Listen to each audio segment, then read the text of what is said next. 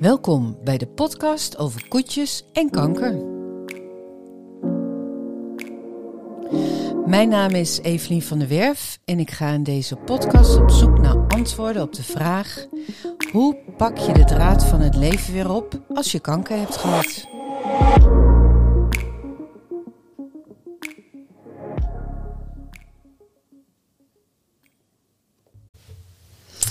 Buiten stormt het als een gek. De boot gaat op en neer. Dus dat zou je misschien een beetje kunnen horen. Maar dat maakt allemaal niet uit. Want vandaag zit aan tafel bij mij twee hele bijzondere vrouwen. Brigitte en uh, Monique van de stichting Kazam. Welkom Brigitte en Monique. Dankjewel. We hebben afgesproken dat ik alleen praat uh, met Brigitte, omdat uh, het heel lastig is om met z'n tweeën in een microfoon uh, te tetteren. Um, ja, Stichting Kazam, wat, wat is dat? Waar staat dat voor? Ja, Stichting Kazam zijn eigenlijk twee dingen, maar Kazam staat voor kanker heb je samen als gezin. En het is een lotgenotenprogramma van negen bijeenkomsten. Uh, waarvan we starten altijd met een uh, kennismaking, uh, kennismakingsavond met de ouders. Dan zijn er drie bijeenkomsten voor de kinderen. Dan zijn er, is er één voor ouders en kinderen samen. Dan weer drie voor de kinderen alleen. En dan een afsluitende bijeenkomst voor ouders en kinderen samen.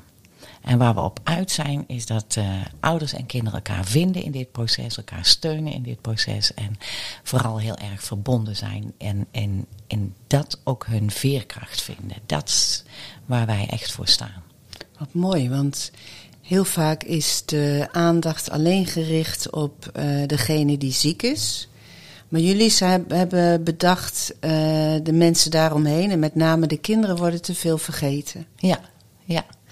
En, en ja, ik weet niet of ik daarop door kan uh, Ja, mag vertellen. alles zeggen wat je wil. Nou, helemaal leuk.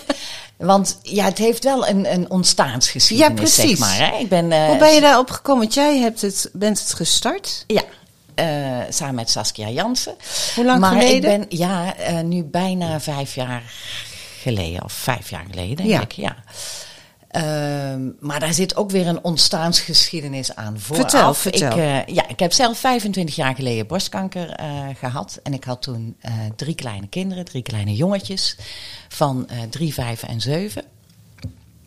Twee, vijf en zeven trouwens toen.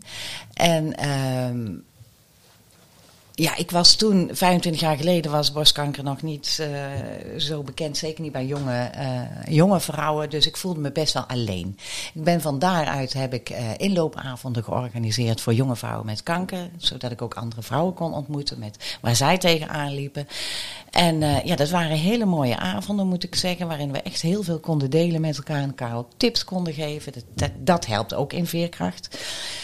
Um, en daar was op een gegeven moment een vrouw bij uh, die uitgezaaide borstkanker had. Dus die wist, ik, uh, ik ga hier aan dood, ik ga dit niet overleven. En die vroeg aan mij van, goh Brigitte, zou jij een gespreksgroep willen starten voor jonge vrouwen met borstkanker? En met uitgezaaide borstkanker natuurlijk. En dat heb ik ook 18 uh, jaar gedaan. Gewoon bij jou thuis? Nee, de, in het Vicky Brownhuis in Den Bosch. Oh ja, ja, ja. ja. Uh, en vanuit de Borstkankervereniging Nederland. Oh, wat goed. Ja, want daar heb ik me meteen bij aangesloten, omdat daar wel jonge vrouwen te vinden waren. En ja, uh, ja ik me daar bij thuis voelde, zeg maar. En uh, nou, dat heb ik dus 18 jaar gedaan. En elke keer kwam de zorg om de kinderen uh, heel erg naar boven. Elk jaar wel een aantal keer, eigenlijk wel elke bijeenkomst zou je kunnen zeggen van hoe doe ik dat nou goed? Wat vertel ik wel, wat vertel ik niet? En eigenlijk kwam daar steeds um, in naar voren van dat ze probeerden hun kinderen te beschermen tegen datgene wat er gewoon is. Ze hebben Hmm. mm. kanker. En de angst is groot dat ze uh, er gaan uh, aan overlijden. En ja, ze weten niet hoe lang dat duurt, maar die, die, die onzekerheid van hoe doe ik dat met de kinderen, dacht ik van ja, wat moet ik daar nou mee? Ik kan dat in dat groepje uh, bespreken elke keer weer, of twee groepjes waren toen de tijd. Uh, maar ik dacht, wat kan nou een goede, goede insteek zijn om zo'n gezin te kunnen ondersteunen? Want het gaat dus om die kinderen, en die ouders maken zich daar zorgen over. Maar dan is er ook iets bij die kinderen waarin uh, ondersteuning nodig is, dacht ik. Nou, daar ben ik, dat, dat, zat al in mijn hoofd. Toen, ben ik gaan, uh, toen kwam ik uh, Inge Hidding tegen. Ik weet niet of die naam je iets zegt. Die heeft een boek geschreven over coaching bij kanker. En zij, ik las dat boek en ik dacht, ja, dat doe ik. Dus ik ben met haar in contact gekomen. Ik heb met haar een gesprek gehad. En op een gegeven moment zei ze tegen mij: Brigitte, waarom breng jij niet alle ervaring die je in je leven hebt bij elkaar? En ga daarmee aan de slag. Je hebt iets met kinderen, je hebt iets met ouders, je hebt iets met coaching. Ga daarmee aan de slag. Nou, en ze had haar woorden nog niet koud. Of het ging bij mij inderdaad aan het ratelen. En toen dacht ik, ja, die kinderen zelf uh, begeleiden. Maar niet zonder uh, die ouders, dus allebei. Ja, en daar uh, ben ik, heb ik Saskia bij gevraagd. Daar had ik al vaker dingen mee gedaan. En wij zijn samen dat programma gaan ontwikkelen. Wat is daar nou belangrijk in en hoe gaan we dat samen doen? Want je werkte voor je professioneel ook al met kinderen. Nou, ik ben van oorsprong uh, leerkracht en intern begeleider. En ik heb daarna coachingsopleidingen gedaan, allerlei. En ik begeleid nu uh, vooral leerkrachten en teams en directeuren. Maar dat, dat kind, dat zit natuurlijk in mijn hart. Als je daar als, als, als uh, jonge meid mee begint om in het onderwijs te werken, dan zitten kinderen in je hart. Dus, uh, en ik heb ook sociale vaardigheidstrainingen ontwikkeld. Uh, dus ja, al die ervaring komt zo bij elkaar. Toen jij zelf ziek was, hè, in, in, in behandeling ging, wat, waar maakte jij je toen zorgen over? Ja, over hoe het met mij, ook net zo goed hoe, hoe het met mijn kinderen zou gaan. En ik wilde ze ook beschermen. Er was ook in een tijd dat. Um, beschermen voor wat? Ja, uh, je, je gunt je kinderen een onbezorgde jeugd. Dat het leuk is, dat het fijn is, dat het veilig is. Dat het... En dat was het gewoon niet. Alleen daar wilde ik blijkbaar niet zo aan, niet voor hen. Wat deed je dan bijvoorbeeld? Kan je een voorbeeld noemen? Nou, het belangrijkste is denk ik geweest dat ik het in eerste instantie niet vertelde. En dat hmm. had te maken met het feit dat een zwager van mij uh, van 47 net overleden was. Twee maanden voordat ik de diagnose kanker kreeg. En ik dacht, ja, als ik nu kanker zeg, dan zien zij uh, mijn zwager weer in de kist liggen. En ik dacht, ja, dat, dat kan ik ze niet aandoen. Dat, dat, dat kan gewoon niet. Dus ik heb, ze, ik heb dat uh, niet verteld toen uh, ik de diagnose kreeg. En ik ging echt van het een. Uh, ik kreeg s ochtends de diagnose en smiddags ging ik naar het ziekenhuis. Zou ik uh, geamputeerd worden. Dus dat ging allemaal heel snel. En ik zie nog die drie jongetjes op het aanrecht staan naar mij. Ehm,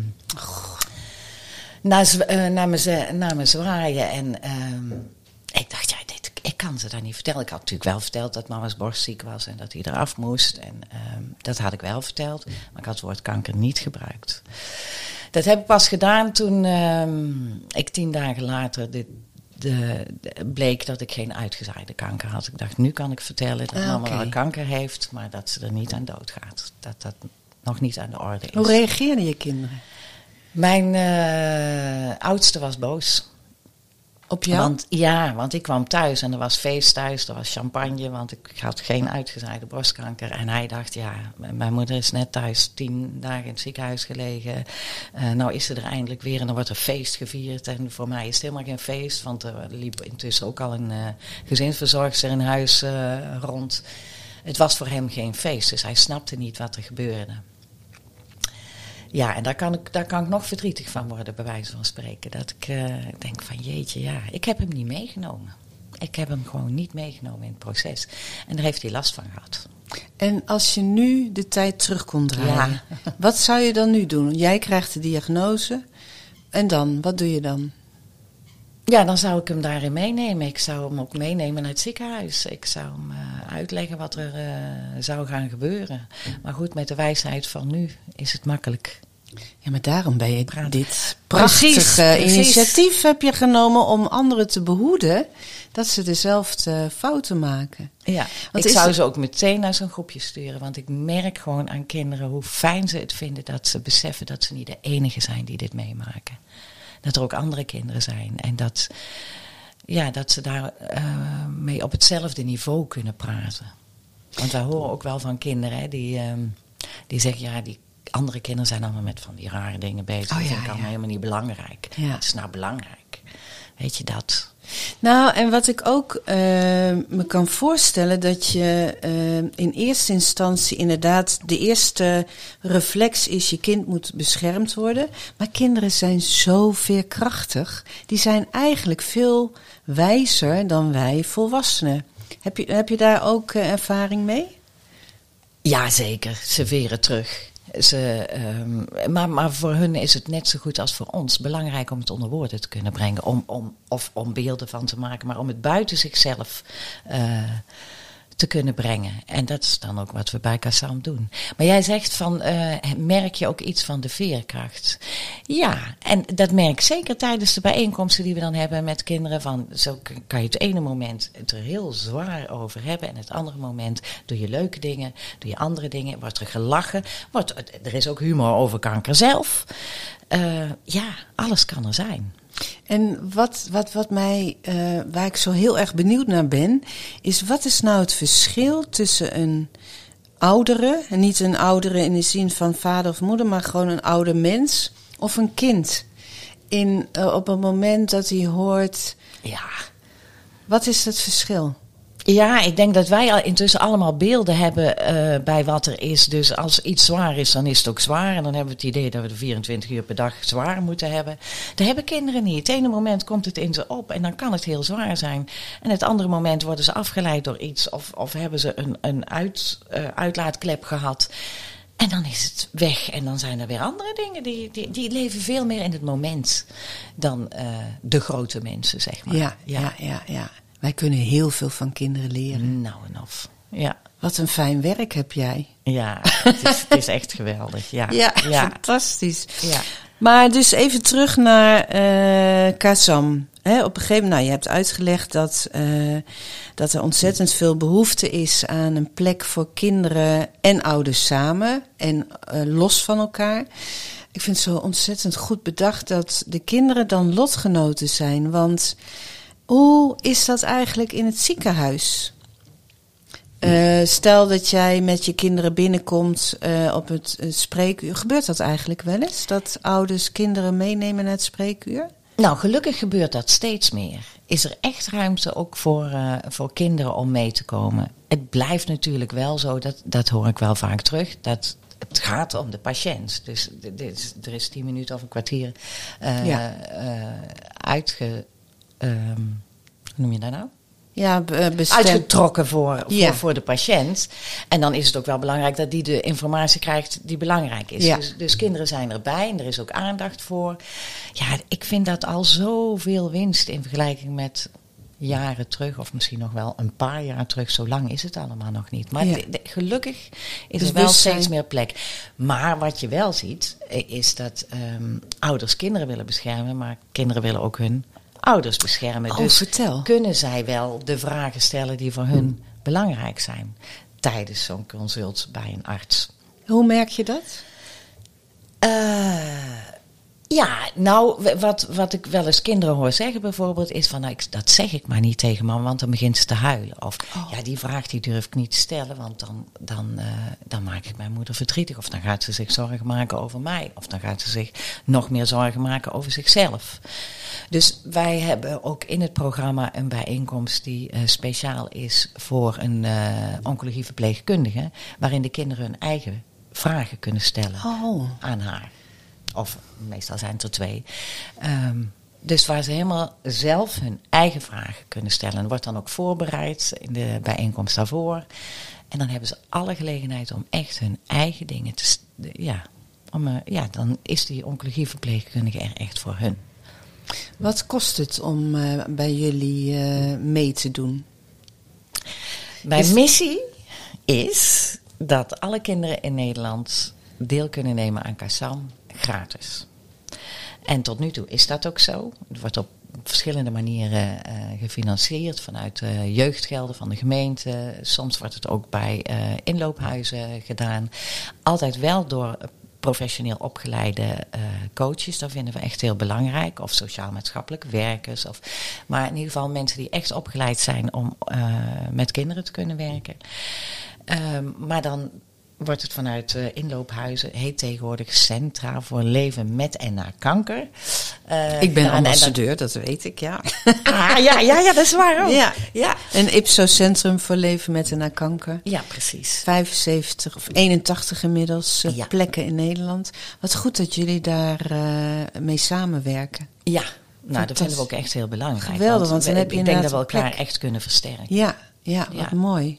En kinderen hebben vaak ook nog wel de ruimte om daarna in een, eh, in een centrum eh, binnen te lopen. Want er zijn vaak wel op activiteitenniveau Ja. eh, allerlei dingen te doen voor hen.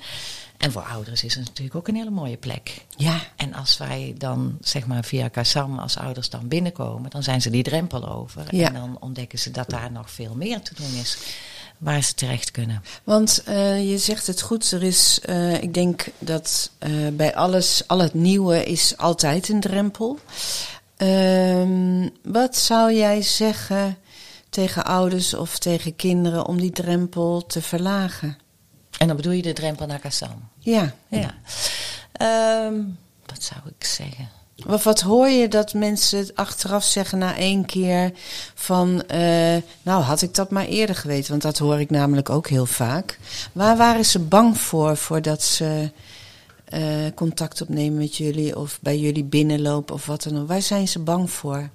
Ja, ik weet niet of ze echt bang zijn voor iets, Evelien, maar wel ehm, merk ik dat de drempel groot is in de zin van het gevoel van ik ben toch te ouder en ik moet het toch gewoon kunnen Oh, met ja. mijn kinderen. En ehm, kanker komt toch meer voor, dus daar hebben we toch geen hulp voor nodig. Dat Oh. moeten we toch zelf kunnen. Oh. Een, beetje, beetje dat hoor ik wel. Ehm, ja, plus, de- eh, ja, wat ik net al zei, hè, die wet van die dubbele bescherming. ehm, ze willen hun kinderen behoeden. Dus als we het gaan benoemen, ja, dan is het er ook. Dus liever benoemen ze het niet of zo min mogelijk. Of eh, als het leven maar zo eh, goed mogelijk door kan gaan. Ja, en wat we terugkrijgen naar de hand is van ehm, vooral wat ik mee heb gemaakt is, we zijn veel hechter geworden als gezin. We praten nu eh, overal over. Er is nu ruimte om het erover te hebben. En dat doen de kinderen dan ook. Dus we voelen meer verbondenheid. En ouders voelen zich geweldig ondersteund in hun opvoeding, ook tijdens zo'n proces van kanker. Mooi, want, want het is toch ook logisch dat je niet weet hoe je daarmee om moet gaan en wat je moet doen en wat je moet zeggen. En je bent al zo druk met, met hè, het is, kanker is ook gewoon een baan erbij, eh, als het ware. Ja, precies. Ehm, dus als je daar dan ook nog aan moet denken, is het zo lekker om dat uit te besteden aan jullie. Dat je gewoon weet, als ik daar ben, dan wordt er in ieder geval heel goed voor mijn kinderen gezorgd, voor ons gezin gezorgd. En dan kun je dat loslaten. Het is toch fantastisch? ja, precies. En weet je, en het is ook heel licht, want kinderen geven ook aan. Het, is, het was gewoon hartstikke leuk. Ja. We hebben het leuk met elkaar, we doen leuke dingen. Ja, maar om, om kanker hangt toch altijd een soort deken. Terwijl het is onderdeel van het leven. En eh, als, het, als je mazzel hebt, dan is het een tijdelijke fase. Maar als je daar niet goed mee omgaat, kan het heel lang nasudderen. Hè? Dan wordt het een soort gezwel. Dan is het gevaar eraf, maar dan wordt het als een soort gezwel in je hoofd. Hè, wat, en zeker bij kinderen kan ik me voorstellen. Want nou ja, heb ja, je- ja, jij noemde straks hè, ehm, veerkrachtig. Kinderen zijn inderdaad veerkrachtig. En, ehm, maar het is wel zo dat drie op de tien kinderen toch later eh, problemen krijgen. Psychische problemen, PTSS, eh, depressie, eh, slaaploosheid. De- dat komt voor. En bij drie op de tien, en gelukkig gaat het dan dus met 70% hartstikke goed, hè? Maar drie op de tien is toch nog best veel. ja, 70% is 0,7. daar gaat Siri. Er tussendoor. Die doen we even uit. Ja, dan weet ik niet hoe dat moet. Dan maar doen dan we geef ik even aan Monique. Ja. Ehm, maar dat is inderdaad, eh, jeetje, dat is eh, best heel veel. Eh, hè, dat, dat die kinderen. ehm, hoe, want je zegt, hè, mensen worden depressief of kinderen worden depressief. Hoe kunnen kinderen, hoe komen kinderen erachter dat, ehm, dat dat gerelateerd is aan die kanker van hun ouders van misschien wel tien jaar geleden? Ja, dat weet ik niet precies. Ehm, dit is, dit, de, deze cijfers heb ik uit een onderzoek eh, wat gedaan is eh, door Universiteit van Groningen en Universiteit van eh, Utrecht. Ehm, en ik denk dat ze dus, ja, ik heb het zelf bij mijn eigen kind helaas ook meegemaakt. Ehm, en je kunt het nooit natuurlijk, denk ik, één op één zeggen van daar ligt het aan. Maar het, het komt. Opeenstapeling van. Het is natuurlijk een opeenstapeling van. En ik denk dat het daarom zo belangrijk is dat wij ook kinderen helpen om hun gevoelens onder woorden Ja. te brengen, om er beelden van te maken, om het uit hun systeem te halen. En als ze er woorden aan geven, kunnen ze er later ook, want natuurlijk komt dat nog vaker in hun leven terug, hè, dat ze eh, getriggerd worden op eh, wat ze eerder mee hebben gemaakt. Maar dat als je, de- je er dan woorden aan kan geven, dan kan je het ook makkelijker uit je systeem halen. Ja. En dan ehm, ja, heeft het een plek. Ja, want anders blijft het als een bal die je probeert Ja. onder water te houden. En die schiet iedere keer weer omhoog. Hè, als je dat niet goed verwerkt. Dat is natuurlijk bij volwassenen ook zo. Precies. Ehm, als je ehm, als ouder kind, stel dat je, eh, zoals bij in jouw geval, ehm, je kind is vijf en je hebt het eh, nou ja, op jouw manier geprobeerd om dat goed te doen, is toch niet helemaal gelukt. En het kind is veertien, ik noem maar wat. En die komt erachter van, jeetje, ik heb onverwerkt eh, verdriet of angst of wat dan ook. Kunnen die dan ook nog bij jullie terecht? Daar hebben we nu geen, eh, de, geen eh, eh, programma voor. We zijn wel bezig om voor pubers ook een programma te maken. Pubers is natuurlijk een, een lastige Ja. doelgroep, zeker ook om die te bereiken. Eh, TikTok. Maar daar zijn we wel mee. Ja, TikTok, je zei het zo straks al. Ja, dat is een goeie. Maar we zijn daar wel mee bezig. Wat goed. Want dat is denk ik ook heel belangrijk. Hè? Dat je, kijk, als iedereen gewoon gaat weten, en daarom doen we deze podcast ook, om meer naamsbekendheid te krijgen voor jullie. eh Kazam, dat eh, iedereen straks weet, oh, nou ja, het is totaal shit natuurlijk dat je een diagnose kanker krijgt, maar er is een plek waar we naartoe kunnen met ons gezin of alleen de kinderen of wat dan ook. En dan is die zorg is weg. Of tenminste, dat is minder. Ja, want dat krijgen we ook echt terug. Van, ehm, eh, sommige ouders vinden het echt heel moeilijk om er eh, mee om te gaan. En er Ja. zijn ouders die daar best wel ideeën van hebben. Dat ik soms denk, heb je dit nodig? Want je doet het zo fantastisch met je kinderen. Ja, maar dat is die fijn om dan- te horen. Hè? Nou, precies. Dat is, dat is dan ook wat we terugkrijgen. Het is Ja. zo fijn dat we dat steuntje in de rug hebben gekregen. En dat je die bevestiging krijgen van we doen het goed. Want het is een extra stressbron. Hoe doe ik het goed met de kinderen? Ja. Nou, dat wil je toch niet als je kanker Nee. hebt. Nee. Nee. Nee, dat is inderdaad, eh, dat lijkt me ook lastig. En wat je net ook zei, dat is ook herkenbaar. eh, wat ik ook om me heen hoor, is dat mensen zich ook schamen voor het feit dat ze hulp nodig hebben. Ja. Dat is ook echt iets Nederlands. Zonde? Ja. Eh, hè, je moet het allemaal eigenlijk zelf doen. Maar als, jij een, als je auto kapot is, eh, dan ga je toch ook naar een expert om dat te laten repareren. Dus waarom niet als er iets in je hoofd knapt, omdat je nou eenmaal een gigantisch zwaar traject zit. Waarom dan ook niet naar een expert gaan? Precies. Het is zo logisch. Ja. En het zou zo fijn zijn als dat gewoon normaal gevonden wordt. We, we houden ook vaak de schone schijn op van het gaat hartstikke goed. Ook om, om anderen te ontlasten, denk ik wel eens. Ja. ja. Ik kan me voorstellen, zeker als je een gezin hebt. Want hoe gaat het op school? Kinderen die, die, ehm, eh, die krijgen dan thuis, die hebben thuis dan iets heel heftigs. Eh, die gaan ook naar school.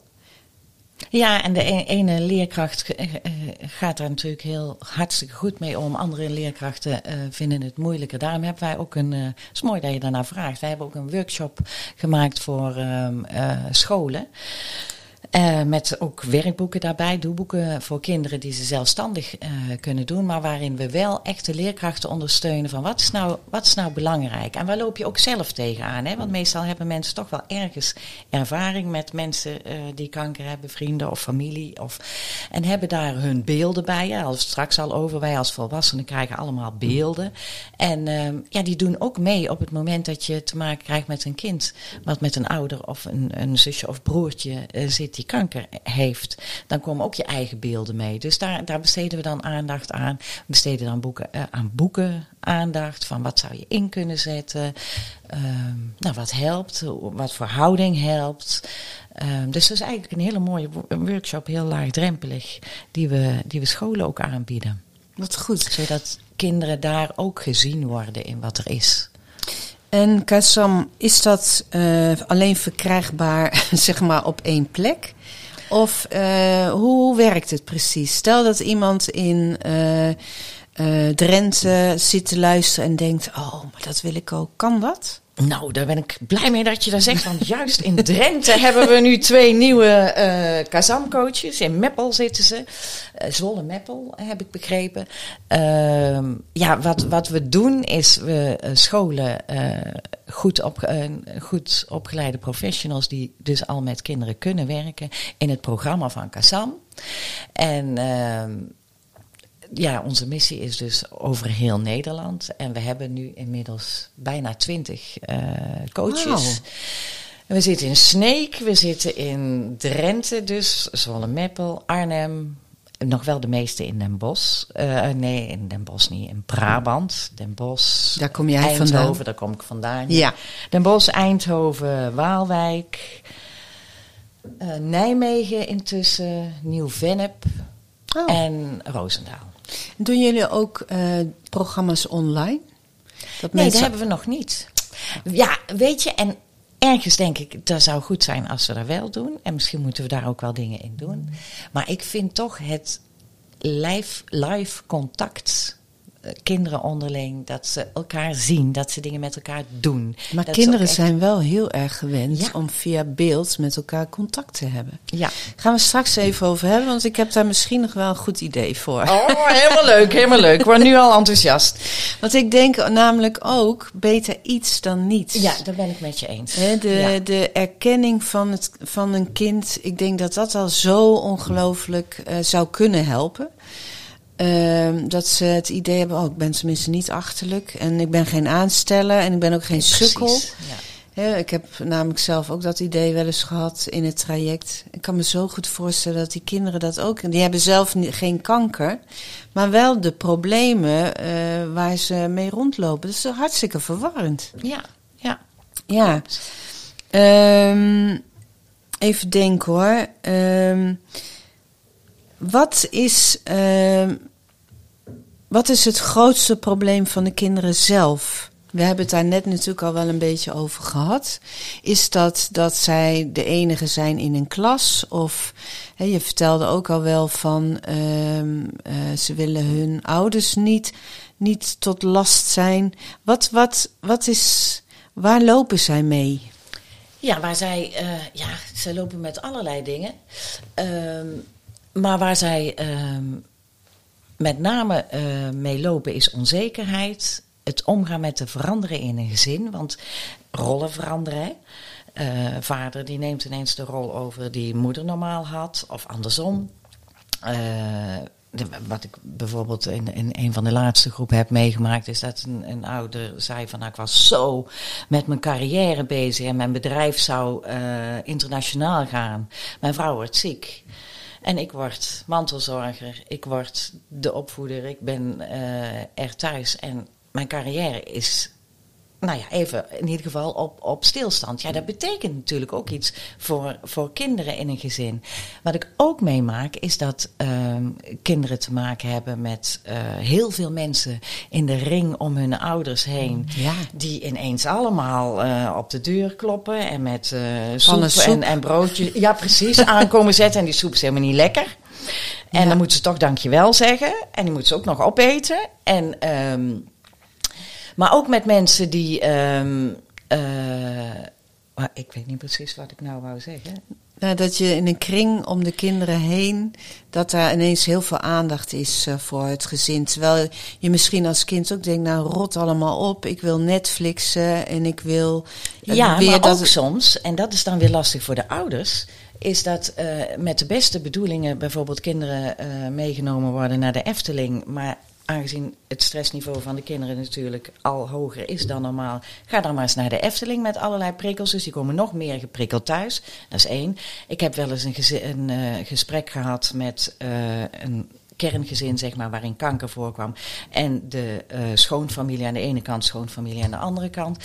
Met allemaal verschillende regels over opvoeding. Oh ja. Dus dan had opa of oma of tante of eh, oom eh, opgepast. En dan kwamen de kinderen dol thuis. En dan eh, mochten ze eten op de bank. Terwijl dat juist hun gezinsmomentje was. Aan tafel, gezellig eten. Nee, wij mochten bij opa en oma ook, ook op de bank. En later naar bed. En nou ja, noem het maar op. Hè. Dus wij hebben, dat vind ik ook wel mooi in ons programma. Dat we die eerste kennismakingsbijeenkomst. Dan hebben we het ook over eh, opvoeden. Dat je, ondanks het feit dat je patiënt of mantelzorger bent geworden. Ook nog steeds de opvoeder bent van je kinderen. En wat vind jij nou belangrijk in de opvoeding? Zodat je dat ook aan die ring mee kan geven, zeg maar. Hè? Van, eh, Hoe doe- heel geef- fijn als je, als, je, als je mijn kind op wil vangen of, of hè, eh, noem het maar op. Maar doe dat alsjeblieft ook volgens mijn opvoedingsregels. Want dan heb ik daarna niet nog een heleboel erbij op te lossen met mijn gezin. Dan kan dat ook gewoon door. Wat een goeie, ja. Ja, Ja, de duidelijkheid is inderdaad eh, ook wel heel erg goed. Eh, eh, dan lijkt me dat trouwens wel, want het is heel vaak van mensen komen binnenstormen, die, die drinken misschien een kopje koffie en er is een drukte om hen heen en hoe gaat het met je? En ik kan me ook voorstellen dat misschien dat ze het op een briefje kunnen meegeven of hoe adviseren jullie dat? Van hoe, hoe geef je nou, hè, er komen vrienden die komen je kind een weekendje ophalen zodat jij kan bijkomen van de chemokuur. Eh, hoe kan je dan met die vrienden, wat jij net zei, van we willen graag dat je het doet op onze manier. eh, doe je dat dan? Eh, Wat adviseren jullie daar dan in? ja tot, vooral bepraat dat. Doe dat, eh, hè, want je, je wilt ook die relatie met die vrienden of die familie gewoon goed houden. En dan kun je toch het beste als je elkaar in de ogen kijkt van, goh, dit zou voor mij heel erg belangrijk, zou je daar alsjeblieft eh, rekening mee eh, willen houden. Dus vooral in het gesprek. Ja. Maar het kan ook op een briefje, hè, zo van bepaalde vaste regels waar, waar, die je belangrijk vindt, zou je op een briefje kunnen zetten. Terwijl je aan het praten bent, denk ik, denk ik bij mezelf: jeetje, wat een, een extra Ja. belasting is het voor ouders om zo om kanker te hebben. Ja, joh. Dat heb ik me eigenlijk nooit zo eh, gerealiseerd. Hoe Nee, het is een heftig. baan erbij, hè? Het is nou dat niet alleen, maar je hebt ook nog eens, je, bent- je wordt gewoon een soort gespleten persoonlijkheid. Want je moet met die rekening houden en met die. En dan moet je ook nog goed voor jezelf zorgen. Want dat is natuurlijk Ja. ook. Hè, moeders die zijn heel erg geneigd. ehm, enkele uitzonderingen om zichzelf, om zichzelf weg te cijferen. En de kinderen op de eerste plek te zetten. Kom je dat ook tegen in, je, in, in de praktijk? Ja, absoluut. Absoluut. En, en, en ze zich dan continu zich daarin tekort voelen schieten. Dus dat, komt, dat schuldgevoel komt erbij. Dit is er overigens ook bij de kinderen, dat schuldgevoel. Ik wil mijn ouderen niet tot last zijn, maar dat ben ik soms wel. En ik wil ook mijn aandacht. En hoe, hoe, eh, hoe krijg ik die dan? Dus ja, dat, dat ja, speelt zeker een rol. En ook daar hebben we het over. En eh, zeker bij die bijeenkomsten van ouders en kinderen samen is er ook altijd een stukje echt puur lotgenotencontact. Eh, tussen ouders, waarin ze eh, ook dat soort dingen met elkaar bespreken. Ja. Wat lijkt me dat heerlijk inderdaad om te horen van een ander. Ja. Dat het heel normaal is dat je je schuldig voelt. Dat jij eh, met je hoofd onder een deken wil liggen. En dat je denkt, kinderen, rot even op. Ik kan het er gewoon even niet bij hebben. Ja, precies. Dat. Ja. Hey, en, ehm, want je hebt in het begin heel even aangestipt dat het een, eh, als gezinnen bij jullie komen eh, en een traject ingaan, dat dat volgens mij uit zes of negen, negen of vier, negen sessies zijn. Ja. Dus hier een beetje voor te souffleren. dus er zijn, oké, dus mensen, stel ik, eh, eh, ik heb een gezin, ik heb net de diagnose kanker gehad en ik heb hulp nodig. Hoe, kom, hoe, wat, wat kan ik dan doen? Nou, je kan naar onze website eh, om te kijken of het bij jou in de Wat is dat eh, voor een website? www.kasam.eu. Juist, dan ga je daar naartoe en dan? Dan staat er informatie voor ouders, voor kinderen en voor eh, professionals. Dus dan kan je doorklikken en dan krijg je daar te zien van waar voor, voor jou misschien eh Kazam-coaches zijn, waar je hulp kan eh, vinden. Maar er staat ook informatie eh, op, boeken staan erop, hoe je eh, ehm, ja, Allerlei er aandacht tips. aan. Ja, die staan er allemaal op. En dan eh, besluit eh, een gezin om eh, een traject met jullie aan te gaan. Nou, dat is gratis, zoals je net vertelde.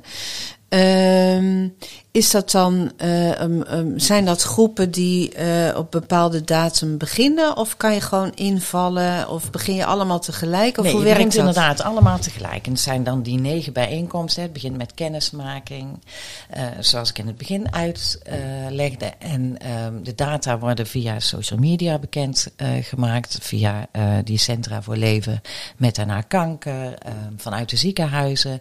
Gelukkig steeds meer ook. Eh, daar waar we zitten dan. Hè. En dan worden de data bekendgemaakt. Het zijn bijeenkomsten van anderhalf uur. En soms, zeker als het in eh IPSO-huizen is, is er ook eh, de gelegenheid voor ouders om dan een kopje koffie te drinken of aan een andere activiteit mee te doen. Of inderdaad maar gewoon het gesprek onder het bakje koffie te doen. Ja, zo gaat het. Is dat je vraag? Bedoelde je Ja, dat? ja, ja, Dus zo begint het. En, Ja. en je vertelde net van dat er verschillende onderdelen besproken worden. Hè. Per sessie wordt weer iets eh, anders behandeld. Met het gezin helemaal en met kinderen los. Ja. En En- het is eigenlijk gebaseerd op het, eh, de uitgangspunten van het onderzoek van de Universiteit van Utrecht, tenminste voornamelijk. En ehm, zij kwamen eh, tot de conclusie dat er eigenlijk drie belangrijke extra opvoedtaken liggen eh, in een gezin waarin kanker voortkomt. En dat is voorbereid zijn. Oftewel weten wat er gaat komen. Hè. Dat is voor kinderen heel belangrijk. Eh, gevoelens met elkaar delen en die ook een plek zien te geven. Op een, op een goede manier leren uiten. zodat je ook krijgt waar je echt behoefte aan hebt. En belangrijke dingen samen doen. En dan gaat het niet over die Efteling waar ik het straks al over had. maar dan gaat het echt over wat vinden wij als gezin belangrijk om samen te doen. Zodat die verbinding er vooral is. Oh, dat En vind ik wel dat ze heel echt die steun bij elkaar Ja, eh, van. ja. Dus die drie taken, daar, is, daar zijn ook onze bijeenkomsten op gebaseerd. Wat goed. Je bent eigenlijk al, want je bent pas vijf, jullie zijn pas vijf jaar bezig. Maar als ik jou zo hoor, dan denk ik, wauw, wat hebben jullie al veel bereikt. In de tussen... Ja, het is hard werken. En Hoeveel is, gezinnen hebben jullie al, al wel niet geholpen? Nou, eh, daar durf ik eigenlijk geen uitspraak Nou ja, dat maakt te trouwens ook helemaal niet uit. Nee. nee, ja, ik hoop gewoon steeds meer. Nou, ik wou net zeggen, waar droom je van? Ja, ik droom echt dat, dat elk kind in Nederland wat te maken krijgt met kanker en daar ook behoefte aan heeft. Hè? Want je zei- had het straks al over veerkracht van kinderen. Dat hoeft ook niet, echt niet voor elk kind eh, te gelden.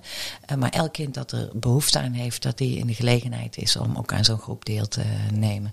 Want het doet ze echt zo goed dat ze kunnen delen met elkaar en plezier kunnen hebben met elkaar. Maar ook die tips die ze elkaar kunnen geven, ja, die kan jij of ik, die kunnen Nee. niet verzinnen. Nee, nee. Maar zij wel. Ja. Ja. En ze kunnen ja, echt alles met elkaar delen. Ze kunnen het ook hebben over dingen waar ze zich over schamen. Een moeder die met een kaal hoofd. Dat is Ja. Niet, ja, hoe ga je daar nou mee om? Ja, of inderdaad. eh, je- Misschien met een gezonde muts. Ja, ja precies. Ja. Nou, dat zou ook heel, eh, heel erg leuk zijn, inderdaad. De gezonde muts. Hey, tot slot. Heb jij eh, nog een tip over, eh, voor ons? Hè, als wij eens ergens zijn in onze omgeving. En er s- er stapt een kind binnen waarvan je weet. ehm, die moeder of vader heeft kanker. Wat kunnen we dan zeggen? Of wat, of wat, wat kunnen we dan doen? Het allerbelangrijkste is vraag aan de kind. En hoe gaat het met jou? Dankjewel.